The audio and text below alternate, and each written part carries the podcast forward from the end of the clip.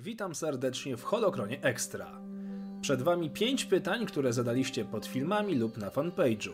Zapraszam do oglądania. Czy Chewbacca miał dzieci? Sławny Łuki wraz ze swoją żoną Mallą doczekali się jednego potomka, Lumpawaru. Jednakże rodzina Chewiego była większa, gdyż Łuki należą do rodzinnych klanów. Rodzina Czubaki, czy też rodzina Bakka, była jednym z takich klanów właśnie. Nieco więcej o rodzinie Łukiego możecie dowiedzieć się z niesławnego The Star Wars Holiday Special. Ostrzegam jednak, że oglądanie tego dzieła jest prawdziwym wyzwaniem. Kto nauczył Anakina, jak zjednać się z mocą?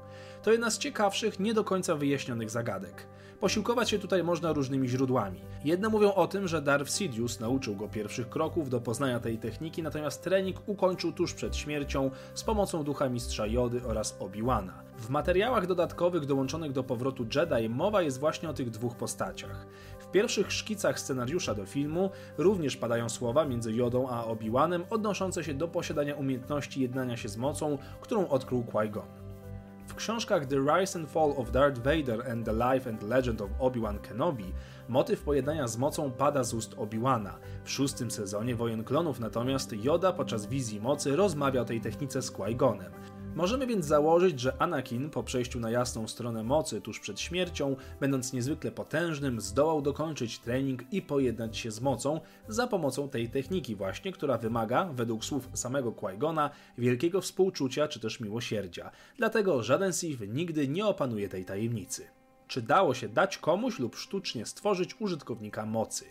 Odpowiedź na to pytanie znajdziecie w grach komputerowych Jedi Outcast oraz Jedi Academy. W pierwszej niejaki The Sun dzięki Dolinie Jedi tworzy odrodzonych, sztucznie wrażliwych na moc wojowników. W drugiej natomiast Tavion dzięki artefaktowi Sithów należących niegdyś do marki Ragnosa mogła wysysać energię z określonych skupisk mocy i niejako ładować wrażliwością na moc innej istoty.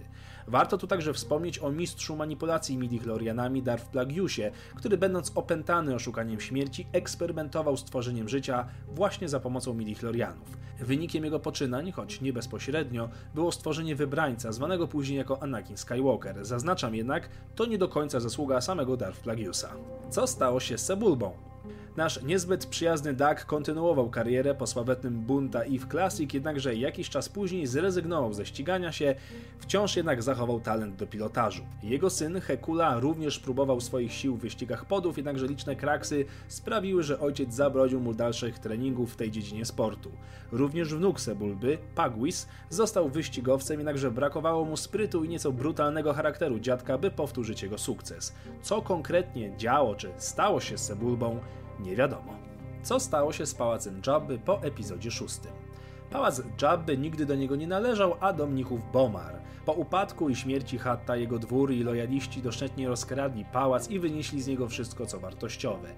Niektórzy jednak wciąż w nim pozostali, korzystając z opustoszałego pałacu jako kryjówki. Luke i Han odwiedzili zresztą to pamiętne miejsce raz jeszcze. Mimo, że Imperium Jabby zostało odbudowane przez jego ojca i siostrzeńca, ze starego pałacu nikt już nie korzystał. Powrócił on w ręce prawowitych właścicieli, czyli wspomnianych mnichów Bomar. Dzięki za oglądanie, zadawajcie kolejne pytania i oczywiście niech moc pytań będzie z Wami.